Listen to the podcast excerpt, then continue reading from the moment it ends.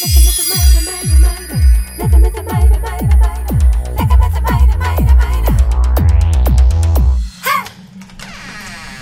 bij de Waanzinnige Podcast. Ik ben Amira en dit is Winterhuis Hotel. Over het wonderlijke Winterhuishotel zijn drie boeken geschreven. Deel 1 begint heel rustig. Het begin vond ik het heel saai en dacht ik, huh, net een soort Harry Potter. Deel 2 is volgens Amira het engst. Het bloed spatte uit haar mond, dat vond ik wel een beetje eng. Haar lievelingsboek is deel 3. Dat is één groot avontuur. Amira leeft enorm met Elisabeth mee. Elisabeth is wees. Ze woont bij haar oom en tante. Die zijn helemaal niet lief voor haar. En diep van binnen mist ze haar ouders verschrikkelijk. Omdat ik zoveel s- eh, Elisabeth Sommers lijk, komen er ook gevoelens van, ehm, van mij weer terug naar boven. Volgens mij is iedereen nu heel benieuwd naar het verhaal. Waar gaat het eigenlijk over? Nou, het gaat over een meisje, Elisabeth Sommers. Ja, niet precies een nerd, maar ze houdt gewoon heel erg van boeken lezen, net als ik. En op een dag, als ze terugkomt van school, eh, staat er een zakje met geld. En die treinkaartjes en een paar kleren. En dan staat er ook een brief en die staat... eh, je vertrekt zo naar Windhuis Hotel. Groetjes, oom Burlap en tante Purdy. En dan gaat ze in de trein. En als ze daar uiteindelijk is, Winterhuishotel is betoverend. Daarover vertelt Amira straks meer. Eerst de belangrijkste personen. Ten eerste heb je Norbridge Vols, de eigenaar van het hotel. right? Oh, sorry. zeg ik het verkeerd? Ja, ik heb ook altijd moeite met die naam hoor. Deze man is lief, maar ook mysterieus. Niet alleen omdat hij kan toveren. Zijn tweelingzus Gracella is overleden, maar zij speelt een duistere rol in dit verhaal. Ja, zij is dus toen ze jong was, wa- had ze altijd al het gevoel dat ze iets had met zwarte magie. En iedereen speelde altijd een beetje baasje over haar, waardoor ze dacht, uiteindelijk toen ze 18 was, is ze gevlucht. En ze dacht, ik wil wraak nemen op hun. Zij hebben mij nooit laten zijn wie ik wil zijn, Maar hoe kan ze terugkomen dan? omdat ze iets met zwarte magie heeft. Wat is En dat? dat is eh, zwarte magie. Dat zijn gewoon krachten die voor het slechte bedoeld zijn. En, dat, en hoe ze terugkomt is in haar dood eigenlijk andere mensen vermoorden en hun levenskracht dan pakken. Dan heb je nog Liona, de bibliothecaresse. Elisabeth durft haar meteen te vertrouwen. En dat is best bijzonder. Tot slot is er nog Freddy. Hij wordt elke vakantie door zijn ouders naar Winterhuis gestuurd en wordt een vriend van Elisabeth. Samen gaan ze continu op onderzoek uit in het hotel. Eh, en die is ook, eigenlijk heeft hij dezelfde vaardigheden als Elisabeth. En dan is hij alleen een beetje banger. Elisabeth ontdekt dat ze magische krachten heeft en die worden steeds sterker met de tijd dat ze in Winterhuishotel verblijft. Samen met Freddy ontdekt ze in het hotel, in schilderijen en op tegels, puzzels en andere aanwijzingen. trappetjes hangt bijvoorbeeld dat je één letter verandert van een woord, maar ook anagrammen dan. Met de letters uit één woord kan je weer een ander woord maken. En woorden en zelfs hele zinnen die precies hetzelfde zijn als je ze achterstevoren leest. Dat zijn Palingdromen, dat vond ik wel heel leuk. Dat je dan een woord hebt, zoals pop, draai je om, is het nog steeds pop. En zo komt Elisabeth steeds meer te weten over haar verleden. En dat van Winterhuishotel. Of, ik weet niet meer wat het was. Ed Lord Cactedrol was het volgens mij. Nou, als je dat precies wil begrijpen, moet je het boek maar lezen. Wij lezen een ander stukje voor. Kamer 333 was een zeldzaamheid in het hotel. Een plek die Elisabeth had gemeden sinds ze op Winterhuis woonde. Hij lag aan het eind van een donkere hal waarin geen andere deuren uitkwamen. Een doodlopend gangetje dat nooit veranderd was. De gloeilamp boven de deur leek altijd zwakker te branden dan alle andere lampen in het hotel. En op een bordje naast het sleutelgat stond: geen toegang. Alles aan kamer 333 was angstaanjagend en vaak kon Elisabeth niet eens geloven dat ze zich ooit binnen had gewaagd. Maar nu zette ze alle bedenkingen opzij. Ik ga alleen maar kijken of het geheime leerboek van Anna Lux er nog ligt, dacht ze. Ze maakte de deur open met een loper, knipte het licht aan en ging naar binnen. Alles was nog hetzelfde.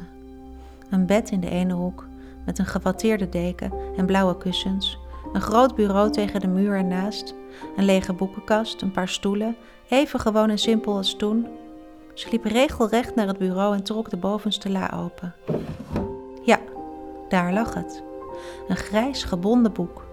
Het geheime leerboek van Anna Lux. Precies waar het altijd al lag, dacht Elisabeth. Het gevoel kwam weer op. Ze pakte het boek, sloeg het open en las de eerste zin, die ze zich nog woord voor woord herinnerde. Er was eens een meisje dat zo gefascineerd werd door magie en toverspreuken en allerlei geheime handelingen, dat ze besloot een heks te worden. Ze wilde het boek terugleggen en weggaan. Maar iets maakte dat ze terugbladerde naar het schutblad van het boek, waar een handgeschreven opdracht stond, in zwarte inkt. Voor Gracella, op een dag zal ze bewijzen wat iedereen over het hoofd zag. Op dat moment wreef Elisabeth over haar voorhoofd. Er kwam iemand aan. Dit was kamer 333. Kan jij meer vertellen over de rest van het hotel? Het is echt heel groot. Je hebt heel veel kamers. Je hebt ook een bibliotheek. Eh, je hebt heel veel verdiepingen. En er wordt ook heel vaak van die... eh, dat mensen komen, hele bekende mensen, en dat ze dan dingen gaan vertellen over hun belevenis. Een lezing. Ja, een lezing. En dan heb je heel veel bedienden. Je hebt zelfs een plek speciaal voor de zoete koutjes. Ja, vertel daar eens over. Dat waren de wereldbekende snoepjes. En een, een Sjaak had een keer Ja, een sheik. Ja, dat bedoel ik. iets van duizenden dozen zoete koutjes gekocht.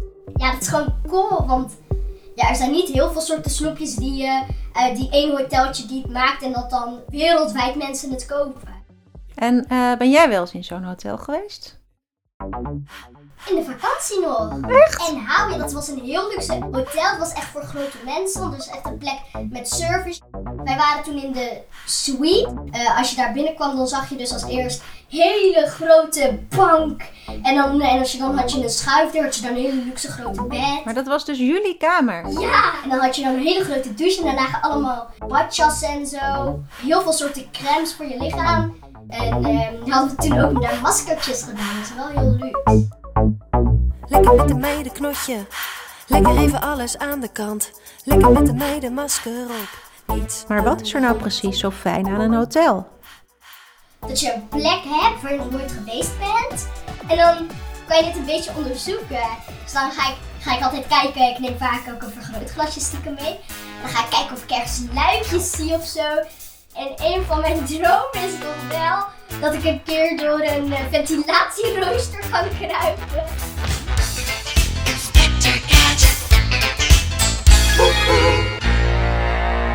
In Winterhuishotel heb je ook geheime gangen.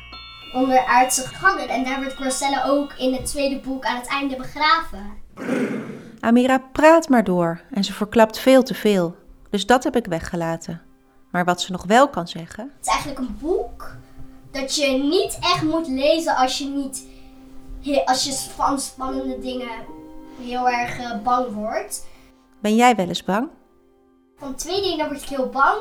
Arme mensen ehm, en oude mensen die een beetje alleen zijn. En een keer in Marokko in de straten kwamen we een man tegen en we liepen gewoon door. Maar die man die liep ons een beetje achteraan. Toen zei hij, ik ben echt geen eh, dwerghoor of zo. En dat vond ik echt heel zielig, omdat hij een beetje zat te bedelen. En dat hij, want hij was ook heel oud. En dat je dan alleen buiten zit. Ja, dat is wel heel zielig.